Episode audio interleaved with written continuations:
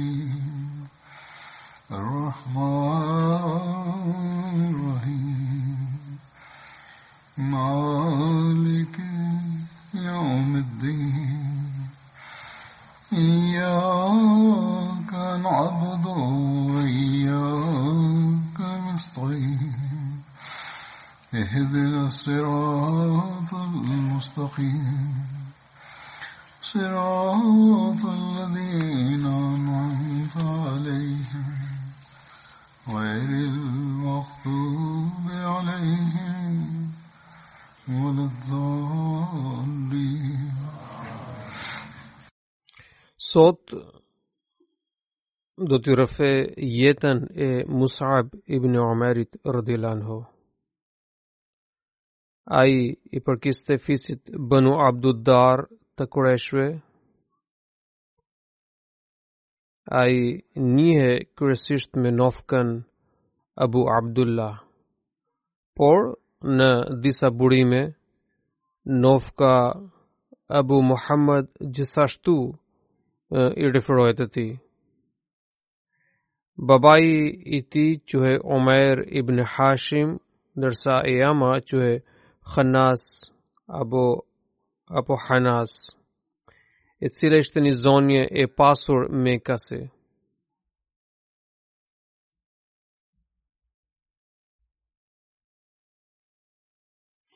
Prindërit e kishin rritur Musabin me shumë naze dhe përkëdhelje, ata e vishnin djaloshin me rrobat më të shkëlqyera dhe elegante.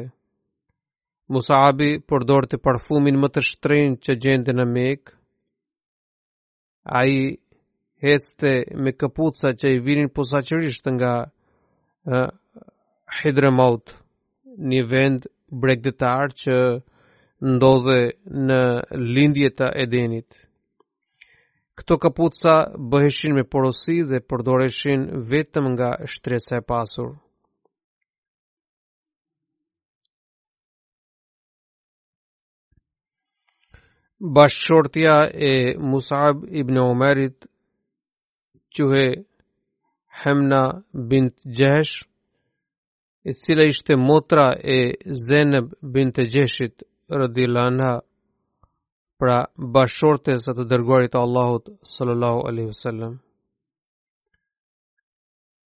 Nga kjo martesë u lindi një vajzë që njihej me emrin Zejneb, kur i dërguari i Allahut sallallahu alaihi wasallam përkujtonte Musab ibn Umejrin Ai çmallej duke thënë se nuk kishte parë njeri më të pashëm, më të hijshëm dhe të rritur me aq naze dhe përkëdhelje sesa Musabi. Musab ibn Umejri renditej ndër sahabët e shquar, të cilët kishin pranuar islamin qysh në fillim. Ai kishte pranuar islamin në atë kohë kur i dërguari i Allahut sallallahu alaihi wasallam predikonte akoma në shtëpinë e Erkemit. Pra, kur ai predikonte akoma në nga shtëpia e Erkemit, për shkak të kundërshtimit të nënës dhe fisit të tij, Musabi e mbajti të fshehur këtë vendim. Musabi e takonte të dërguarin e Allahut sallallahu alaihi wasallam fshehurazi. Një ditë Usman ibn Talhai radhiyallahu anhu e kapi mat duke falur namazin dhe menjëherë njoftoi nënën dhe farefisin e Musabit. Prindërit e izoluan në shtëpi derisa gjeti mundësinë për t'u arratisur. Ai mori udhën për në Abisini dhe kështu iu bashkua muslimanëve të tjerë që ishin shpërngulur në këtë vend. Pas pak kohe kur këta muhaxhirë, muhaxhirë u kthyen në Mekë, Musab ibn Umeri radiallahu anhu ishte gjithashtu pjesë e tyre. Kur nëna e tij shikoi gjendjen e mjerueshme të djalit, ajo hoqi dorë nga çdo lloj kundërshtimi dhe u pajtua me zgjedhjen e tij.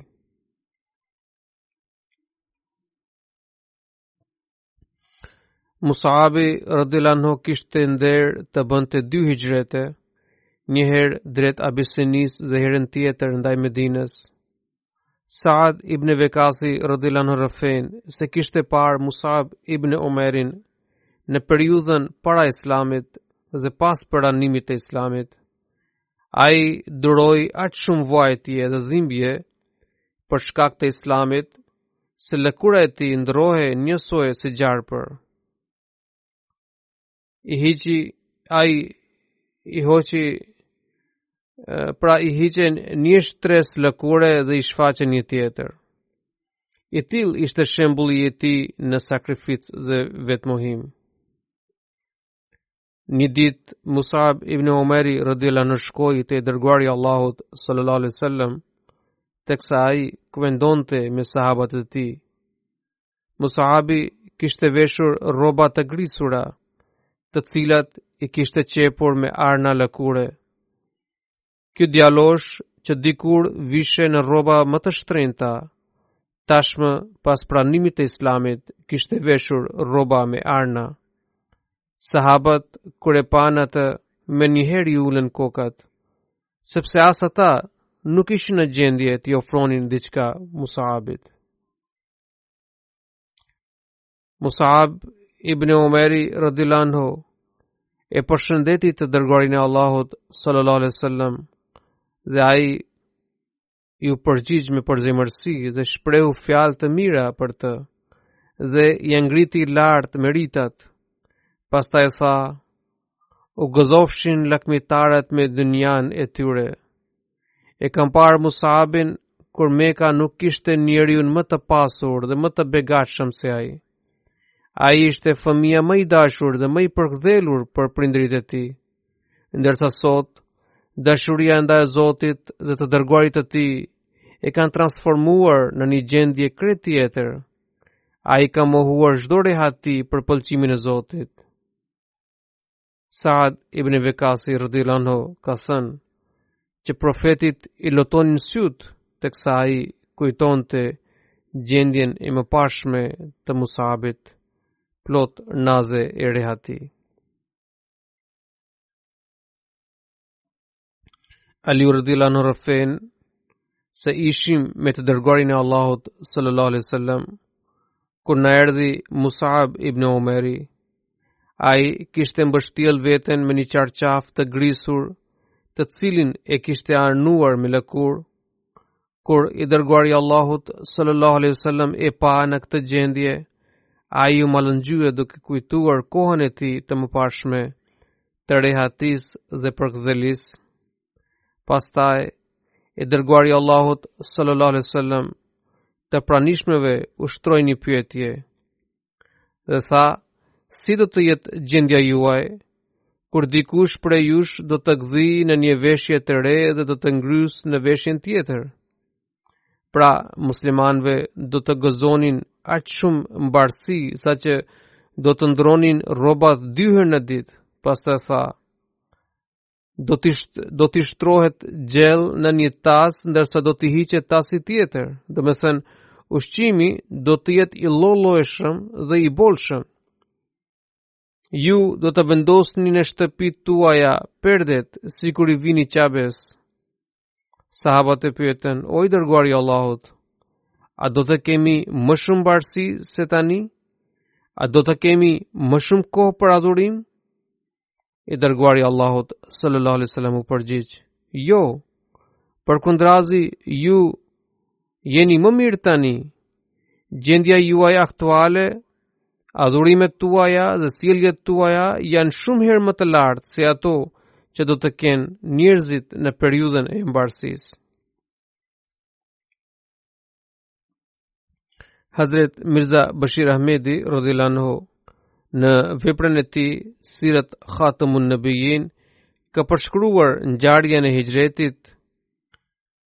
uh, unë ju parashtroj këtë shënim në mënyrë të përmbledhur.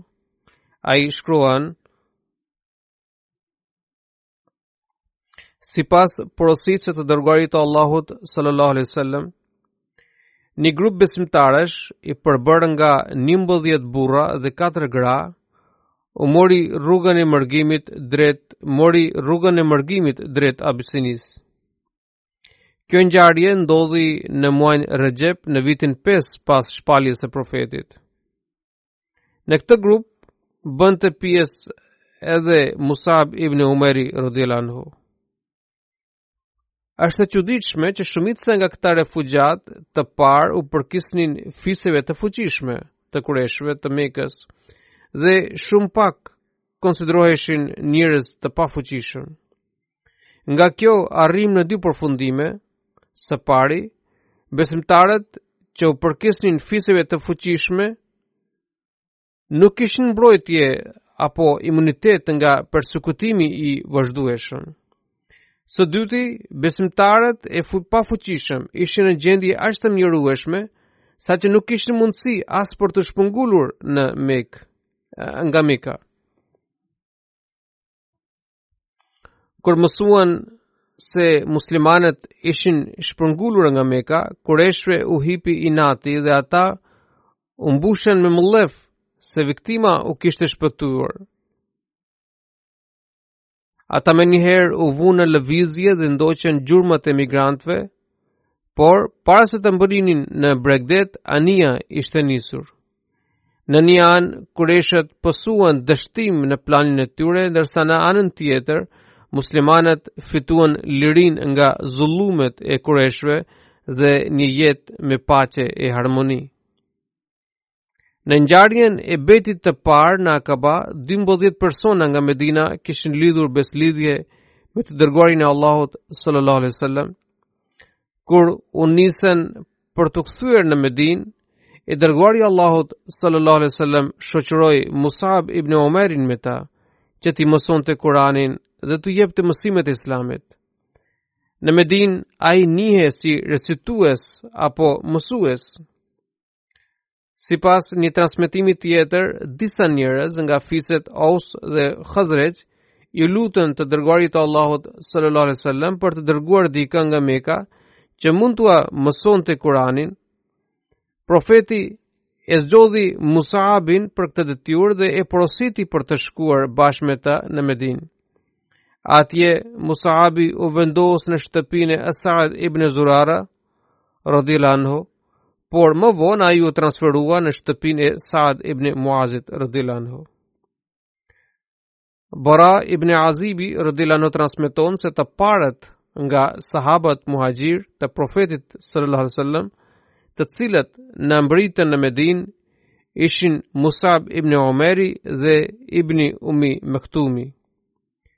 Menjëherë pas ardhjes së tyre në Medinë, ata na dhanë mësimin e Kur'anit famëlartë.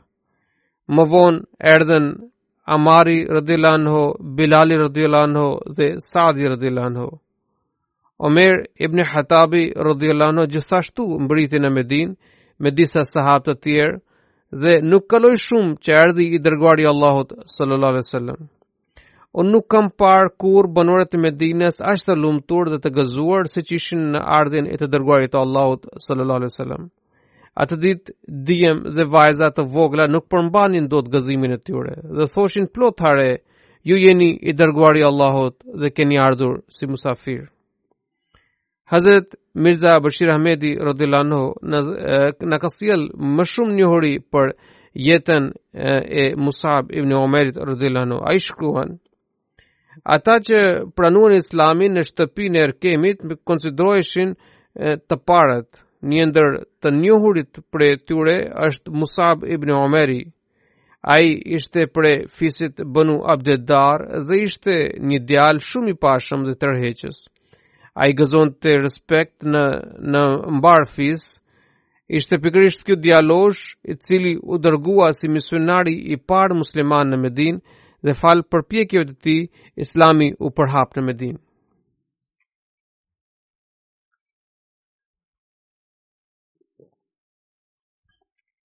Në një libër të historisë përmendet që Musab ibn Umeri radhiyallahu anhu ishte muslimani i parë i cili kishte udhëhequr namazin e xumas në Medinë para hijretit. Në besëlidhjen e dytë të Akabas, Musab ibn Umeri i kishte kërkuar leje të dërguarit të Allahut sallallahu alaihi wasallam për namazin e xumas. Pas marrjes së lejes, Musabi drejtoi namazin e parë të xumas në shtëpinë e Saad ibn Hethamës radhiyallahu anhu. Dhe 12 persona kishin marrë pjesë në të. Për ta shënuar këtë ditë, ai gjithashtu theri një kurban, Musabi radhiyallahu anhu ishte muslimani i parë i cili kishte drejtuar namazin e xumas. Megjithatë, sipas një transmetimi tjetër, Abu Umama Asad ibn Zurara kishte udhëhequr xuman e parë në Medinë. Musabi radhiyallahu anhu bashkë me Esad ibn Zurara shkonte në lagje të ndryshme të Medinës dhe u bënte thirrje njerëzve ndaj Islamit. Shumë prej sahabëve të shquar kishin përqafuar Islamin nga përpjekjet e tij. Disa prej tyre janë Sa'd ibn Muazi, Abbad ibn Bishri, Muhammad ibn Meslema, Usaid ibn Hudhair radhiyallahu anhu. Mirza Bashir Ahmedi radhiyallahu anhu ka përshkruar veprimtarinë e Musabit në përhapjen e Islamit me këto fjalë. Ai shkruan: Duke u nisur nga Mekka, këta 12 muslimanë të rinj e kishin kërkuar profetin sallallahu alaihi wasallam që të dërgohej një mualim bashkë me ta, i cili do t'u mësonte Islamin dhe t'i ftonte bashkëkombësit e tyre idhujtarë në Islam. I dërguari i Allahut sallallahu alaihi wasallam nisi Musab ibn Omerin, një djalosh të devotshëm nga fisi Abduddar. Në atë kohë, misionarët muslimanë njiheshin si recitues ose mukriun, përderisa detyra e tyre kryesore ishte recitimi i Kuranit dhe ai ishte mënyra më e mirë për thirrje ndaj Islamit. Musabi gjithashtu u bë i njohur si Mukriun apo recitues në Medinë. Pas mbërritjes në Medinë, Musabi radiallahu anhu gjeti strehim në shtëpinë e Asad ibn Zurarës, i cili ishte muslimani i parë në Medinë dhe qe një figurë e ndershme e me ndikim në shoqëri. Musabi radiallahu anhu e ktheu atë shtëpi në qendrën e aktiviteteve misionare dhe nisi përmbushjen e detyrave me zell të madh. Meqë muslimanët në Medinë gëzonin jetën shoqërore dhe paqe apo harmoni në krahasim me Mekën, prandaj pas sugjerimit të Esad ibn Zurarës, I dërguari i Allahut sallallahu alaihi wasallam porositi Musab ibn Umerin për të nisur namazin e xhumasë në Medinë. Kështu nisi të ngjizet shoqëria muslimane në Medinë dhe falë mëshirës së Allahut Islami u bë tema kryesore në çdo shtëpi. Fiset Aus dhe Hazrexh filluan të pranonin islamin masivisht dhe në rastin më të mirë, një fis i tërë përqafonte islamin brenda një dite.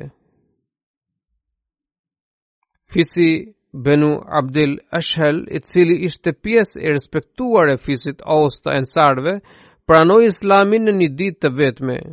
Saad ibn Muazi nuk ishte vetëm kryetari i fisit Banu Abdul Ashhal, por lideri i mbarë fisit Aus. Në fillim kur diskutohej rreth Islamit në Medinë, Saad ibn Muazi nuk e pa këtë me sy të mirë. Madje vendosi ta ndalojë atë. Saadi ishte kushëri me Asad ibn Zurarën, ndërsa Asadi ishte bërë musliman. Në fillim, Saad ibn Muazi nuk donte të ndërhynte në këtë mesele nga frika që mos ngatërrohen punët.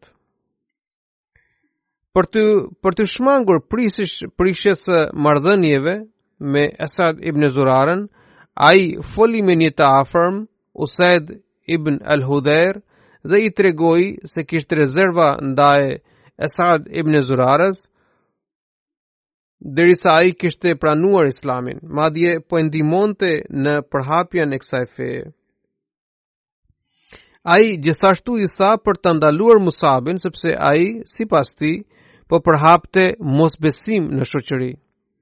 Po ashtu ai i kërkoi që të paralajmëronte Asad ibn Zurarën se sjellja e tij është e gabuar.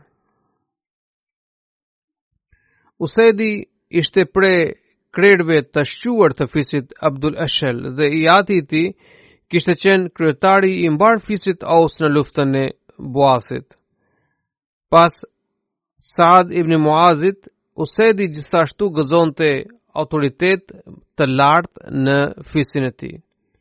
Kështu, sipas porosisë së Saadit, ai E takoi Musab ibn Umerin dhe Asad ibn Zurarën.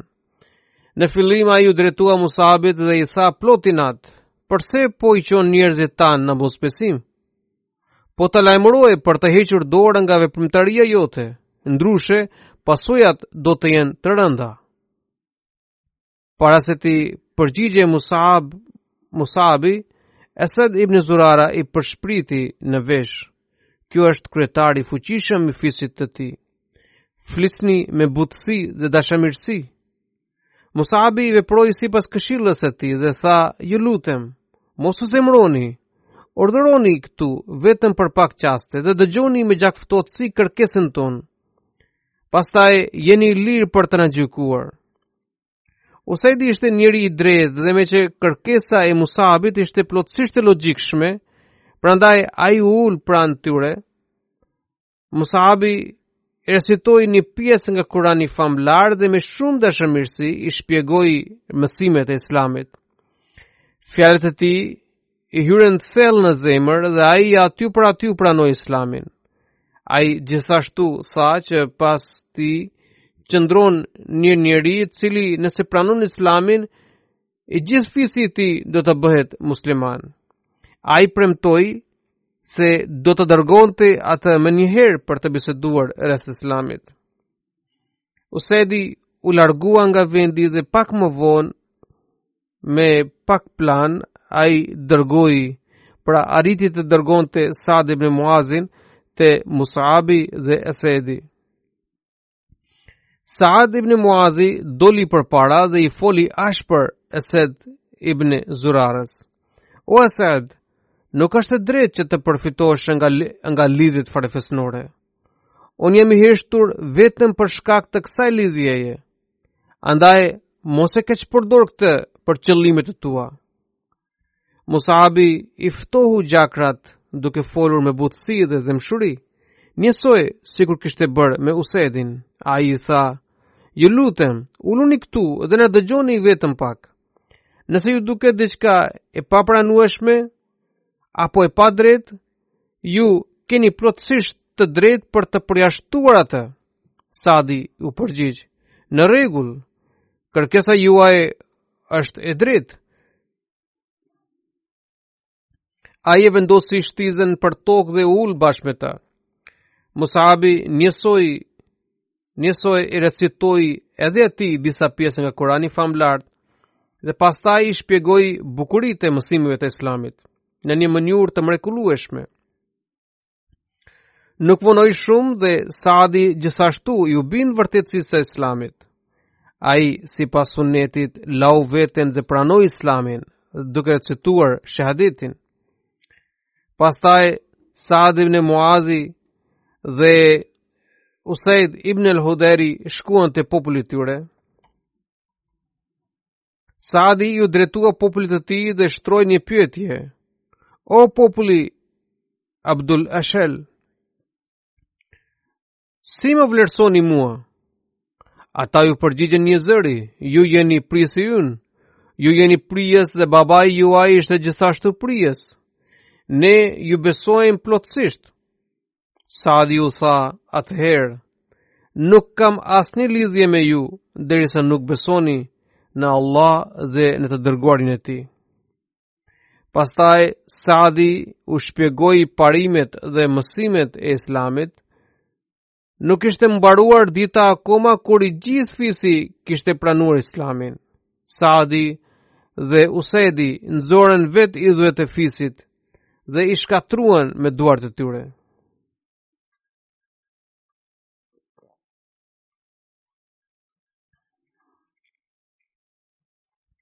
Ky djalosh shquhej për sinceritetin dhe besnikërinë e tij.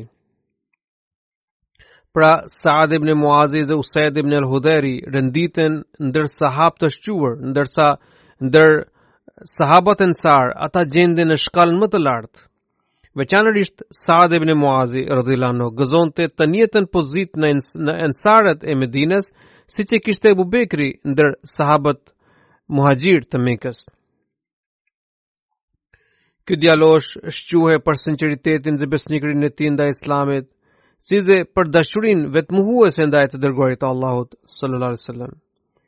Ai ishte shumë i zgjuar, duke qenë kryetari i mbarë fisit, ai arriti pra Sad bin Muadhi, arriti atë pozitë të lartë që gëzonin vetëm disa sahabë të zgjedhur.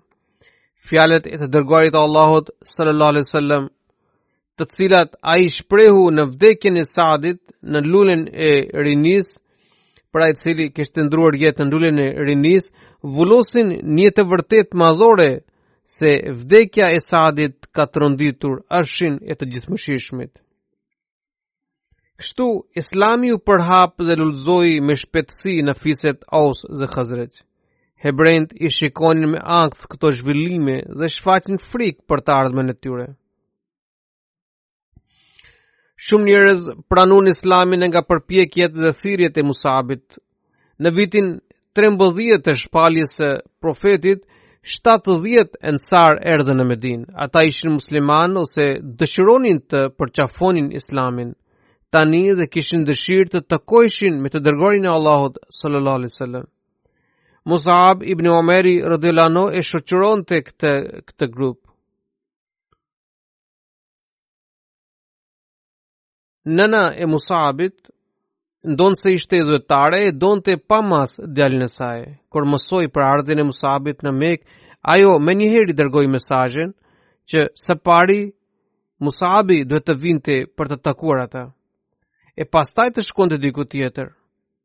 Musabi e njoftoi se derisa nuk ishte takuar akoma me të dërguarin e Allahut sallallahu alaihi wasallam, Andaj ai do të vinte vetëm pas takimit me profetin. Në këtë mënyrë ai takoi të dërguarin e Allahut sallallahu alaihi wasallam e njoftoi me lajme të rëndësishme dhe pastaj shkoi te nëna e tij. Meqë Musabi së pari nuk kishte takuar nënën, ajo ishte mbushur me zemërim e inat Dhe sa e pa djalin, shfreu tërë dufin kundër tij. Musabi tha, o nënë, dua të të them diçka shumë të mirë, që jo vetëm do të sjellë dobi, por do t'i japë fund kësaj mosmarrëveshje. Ajo e pyeti plot habi, çfarë është ajo? Musabi tha, që të largohesh nga idhujtaria e të pranosh islamin dhe të besosh në të dërguarin e Allahut sallallahu alaihi wasallam. Ajo ishte një zhurmëtare fanatike, e si mund t'i duronte këto fjalë? Ajo bëri zhurmë dhe tha, betohem në, në yje, unë kurrë nuk do ta pranoj fenë tuaj. Pastaj ajo u bëri të afërmve shenjë me dorë për të kapur Musabin, por ai, ai iku me shpejtësi.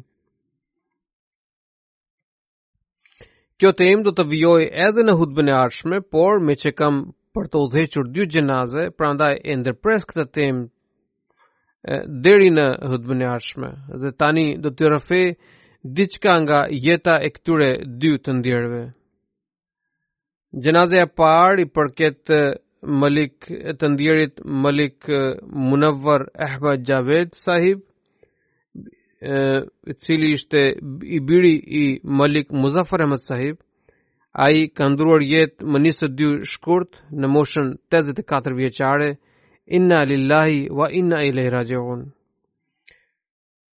Për një kohë të gjatë ai vuante nga sëmundja e mëlçisë dhe së fundmi ishte shtruar në spitalin e zemrës Tahir prej 10 ditëve dhe aty ai kishte ndërruar jetë.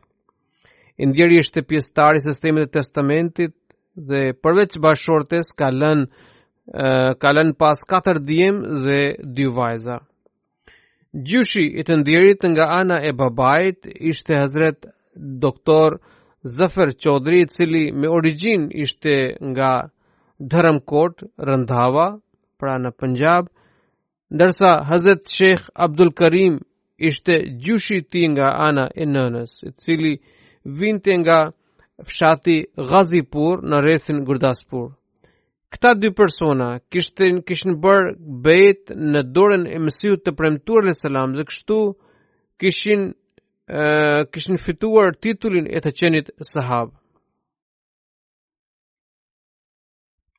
Në vitin 1968, Malik Munawar Javed Sahibi u martua me zonjën Salma Javed, e cila ishte e bija e Sufi Hamid Sahibit. Ajo ishte gjithashtu mbesa e Hafiz Sufi Ghulam Muhammad Sahibit, misionari në Mauritius dhe sahabi i Mesihut të Premtuar alejhi selam.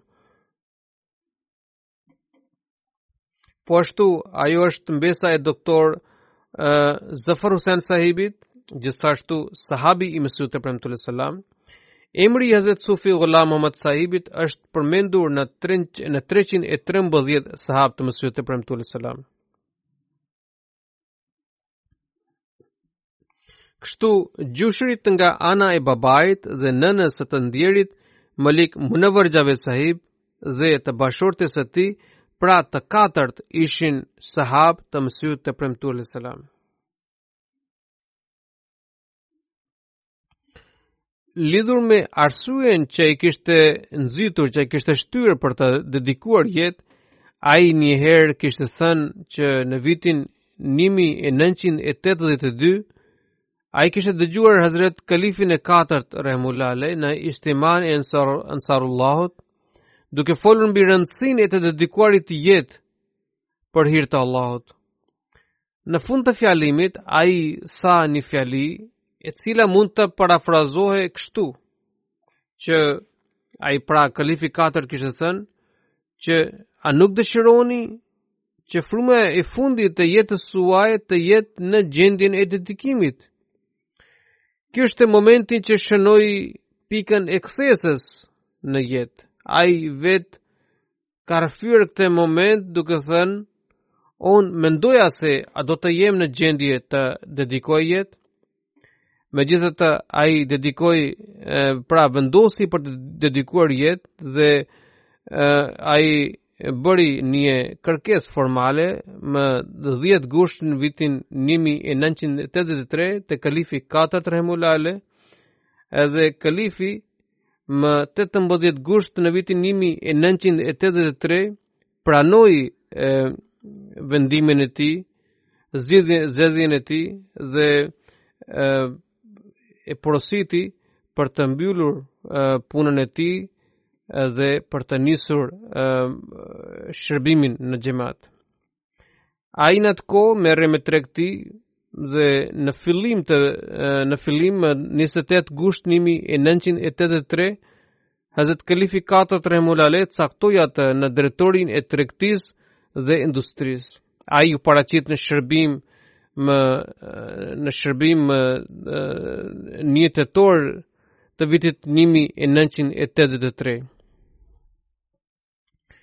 Para se të dedikonte jetë, i ndjeri kishte shërbyer për 16 vjet në Ministrinë e Qeverisë së Penxhabit, mandej për 10 vjetët e ardhshme, ai ishte marrë me tregti, në nëntor të vitit 1983, ai u caktua menaxher i revistës Review of Religions, Në vitin 1984, ai u caktua ndihmës ndaj drejtorit të mikpritjes pra të zjafetit. Që prej 20 pril 1983, deri në korrik të vitit 2016, ai shërbeu si zëvendësdrejtor i kësaj drejtorie. Në vitin 1990, kur u themelua një komitet për mbështetjen e 100 jetimëve, ai u emërua sekretari i parë i komiteti, i këtij komiteti. Nga 1968 deri në vitin 1970, ai shërbeu si kryetari i Khudamve për rrethin dhe rajonin e Lahorit.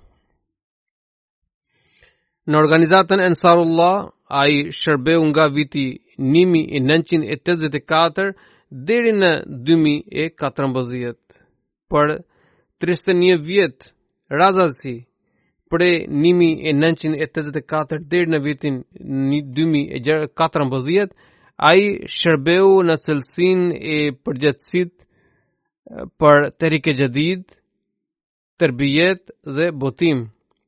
Në këto 5 vite të fundit, ai shërbeu si kryetari i ensarullahut në Pakistan.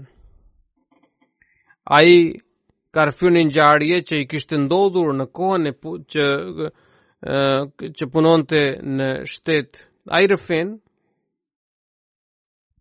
Shefi ynë, pra eprori ynë, në punë ishte njeri i anshëm dhe kundërshtar ndaj xhematit. Shpeshherë ai thërriste hoxhallarët për të bërë debat me mua. Një ditë, ai solli Alama Khalid Mahmud sahibin, i cili konsiderohet dijetar i shquar në Pakistan, Në fillu, ne filluam debatin gjatë bisedës kur nuk mundi të japë ndonjë argument, ai nisi të përdorte shprehje fyese dhe sharje kundër nesh. Shefi im u frikësua se të mos përkeqësohej situata. Në atë moment ai pra ai dijetari tha diçka shefit tim Abdurrahman, i cili tregon se tregoi se anëtarët e xhematit kanë një lidhje besnike me Allahun.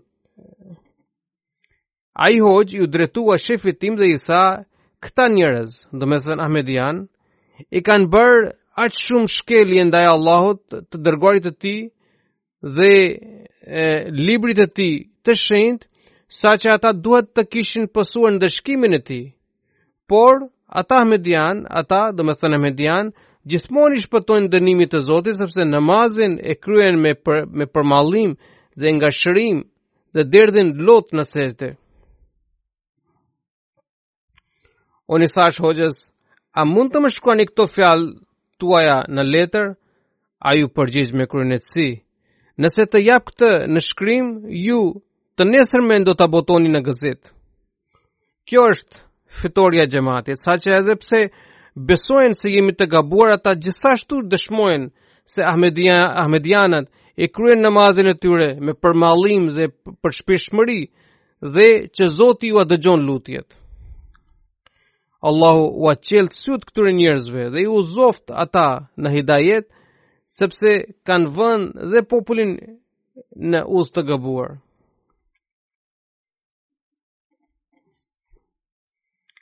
Usama Ezher Sahibi, ë, shërben si asistent drejtor i mikpritjes, ai ka shkruar, Malik Munawar Ahmed Javed, Javed Sahibi, kishte aftësi të jashtëzakonshme drejtuese. Ai çohej në orë të vonë të natës dhe kontrollonte punonjësit e Daruziafet dhe i furnizonte me kafe apo ushqime të tjera sipas stinës. Ai sillej me dashuri, dhembshuri dhe butësi ndaj stafit që punonte në Daruziafet. Ai kishte informacion për gjendjen personale të çdo punonjësi, pra për gjendjen familjare të çdo punonjësi dhe sipas mundësisë i ndihmonte ata financiarisht në mënyrë të fshehur.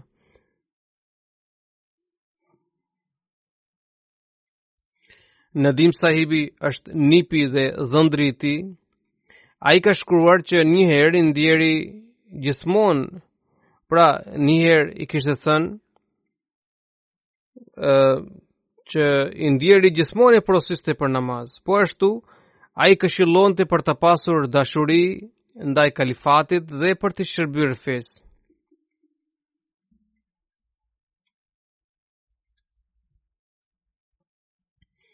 Ai gjithashtu ka shkruar që pasi që doli në pension, i ndjeri kishte vendosur të përgjysmonte kontributet e tij vullnetare meqë të ardhurat e tij ishin zvogëluar.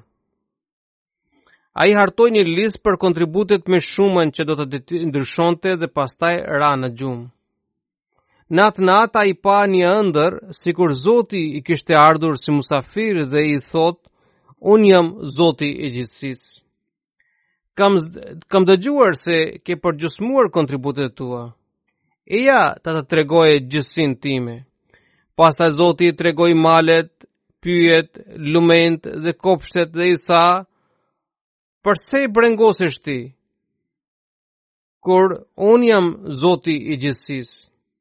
Atëherë i doli gjumi dhe e lë mendimin për të zvogëluar kontributet e tij dhe vazhdoi t'i paguante ato njësoj siç kishte bërë përpara. Bashkëshortja e tij ka rrëfyer se i ndjeri kur merrej me tregti, i mbushte xhepat me para dhe sillej nëpër rrugë, në netët e dimrit, ai mendonte se në atë kohë mund të haste ndonjë nevojtar. Njëherë e kishte takuar një person i cili dukej shumë i shqetësuar. Kur e pyeti për hallin që kishte, ai mësoi se nëna e tij, ishte i sëmur dhe që nuk kishte asgjë, pra ai djaloshi nuk ishte, ai djalosh nuk kishte asgjë për për të blerë ilaçin e saj. I ndjeri i dorëzoi gjithçka që kishte në xhep dhe u kthye në shtëpi. Asif Mujid Sahibi është misionar dhe ndihmës ndaj sekretarit të Ziafetit, ai ka shkruar që disa herë për shkak të fluski, fluksit të madh të njerëzve, musafirët duhet të duronin vështirësi. Nganjëherë, disa musafirë i drejtoheshin publikisht ose në zyrë me fjalë të ashpra, por i ndjeri i dëgjonte me gjakftohtësi dhe buzëqeshje. Disa herë e kisha e kisha parë duke u kërkuar falje musafirëve me duar të lidhura. Disa prej këtyre musafirëve ishin në moshën e fëmijëve të tij. Një herë pas largimit të musafirëve nga zyra unë i thashë, Malik sahib, më ka ardhur shumë keq se i keni kërkuar falje ndaj atij djali. Ai më tha, "Përse po përse ju ka ardhur keq? Kur unë kam kërkuar falje dhe jo ju." Mbani mend, këta janë musafirë të Mesihut të Premtuar alejhi selam. Dhe ai kishte shkuar me këmbë zbathur për të kthyer musafirët e tij.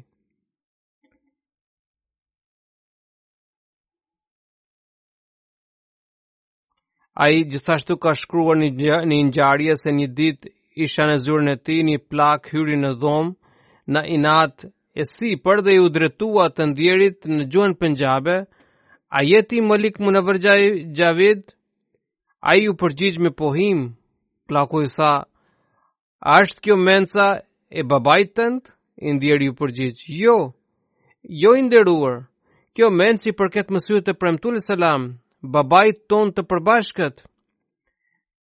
Kjo përgjigje e qartë e qetësoi plakun dhe me mandej ai tregoi shqetsimin me butësi dhe gjakftohtësi. Në disa rrethana edhe musafirët bëjnë padrejtësi. Më vijnë ankesat se për sjelljen musafirët nuk duhet nuk nuk janë të durueshëm. Sigurisht punonësit e mensës duhet të jenë të sjellshëm dhe të buzëqeshur, por musafirët gjithashtu duhet të tregojnë durim vetëpërmbajtje dhe të shfaqin virtyte të larta. Nëse situata është e tillë, ata duhet të bashkëpunojnë me administratën. Sigurisht që i ndjeri Malik Sahibi ka përmbushur betimin e tij për të dedikuar veten për hir të fesë. Kur po shërbeja në Pakistan si Nazri Ala, unë kisha përgjegjësinë e menses. Unë kam unë Unë e kam parë të ndjerin se paratë e xhematit i harxhonte me kujdes të madh. Gjithmonë tregonte të vërtetën, ndonëse ishte zvendësi im, por shikonte se diçka nuk përputhet. Kur shikonte se diçka nuk përputhet me interesat e xhematit, ai nuk kishte frikë që të shfaqte mendimin e tij, që i kundërvihej mendimit tim. Nuk harronte të thoshte se kjo çështje mund të zgjidhet më mirë në këtë mënyrë. Kjo është cilësia e atij që ka dedikuar jetë për hir të Zotit. Gjithmonë duhet të tregojmë mendimin tonë duke respektuar normat e etikës. Kishte një lidhje të sinqertë dhe besnike me kalifatin. Kjo dashuri manifestohej në çdo takim që kishte mua. Allahu e mëshiroftë të ndjerin dhe e faltë atë. Allahu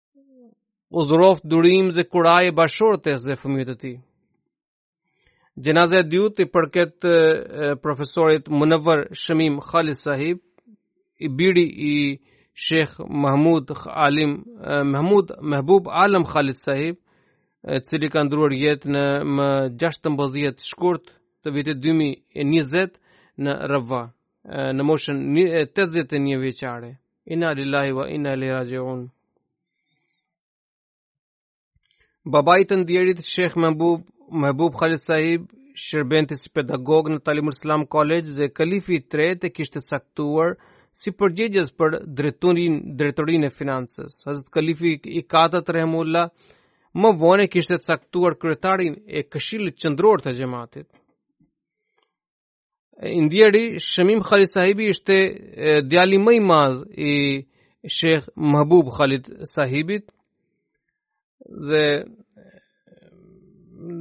bashkëshortja e tij e parë kishte ndërruar jetë dhe bashkëshortja e dytë Shahida Munawar Shemim ka shkruar që kanë një djalë që quhet Khalid Anwar dhe jeton në Kanada kur kalifi i tretë Rahimullah Ale kishte udhëhequr nikahun e tij, ai gjithashtu kishte thënë që profesor Munëver Shemim Khalid është djali i mikut tim të ngushtë, pra profesor Mahbub Alam Khalid sahibit. Unë e dua atë njësoj si fëmijët e mi.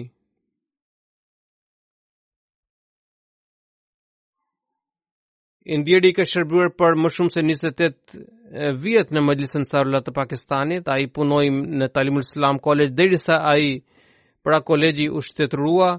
Mendoj se edhe pas ndryshimit në statusin e kolegjit, ai vazhdoi të jepte arsim në këtë institucion të e, e, të Rabuas. Bashkëshortja e tij gjithashtu ka shkruar që gjyshi i të ndjerit ishte Molvi Ferzand Ali Sahib, i cili ka shërbuar si imami i Xhamisë Fazl në Londër. Ai u shqua për cilësi të ndryshme dhe cilësia më e dalluar ishte dashuri dhe besnikëri e veçantë ndaj kalifit të kohës, ai dëgjonte fjalimet e kalifit me shumë vëmendje dhe nxirrte pikat prej hutbeve, ishte i përpiktë në namazet dhe në agjërim dhe përveç namazeve të, të detyrueshme të pesë vakteve, mundohej të falte rregullisht edhe namazin e tehexhudit. kishte ai vuante se përse nuk kishte mundësi për të shkuar në xhami, pra kur nuk kishte mundësi për shkak të sëmundjes. Ai nuk nxirrte ndonjë ankesë, gjithmonë ishte një njeri mirënjohës dhe i shërbente xhematit me sinceritet dhe me besnikëri dhe ishte një punëtor i heshtur që punonte me me dashuri dhe me përkushtim. Edhe pse unë kam qenë nxënësi i tij, studenti i tij, por ai kur u vendosa Amir dhe Nazir Ala në Pakistan, ai shfaqi bindje më të, më të lartë, nivel më të lartë të bindjes ndaj meje. Allahu e mëshiroftë të ndjerin dhe e faltë atë. Allahu e bashkoftë me robërit e tij të dashur. Allahu u mundësoftë familjarëve të tij për të vijuar virtytet e tij.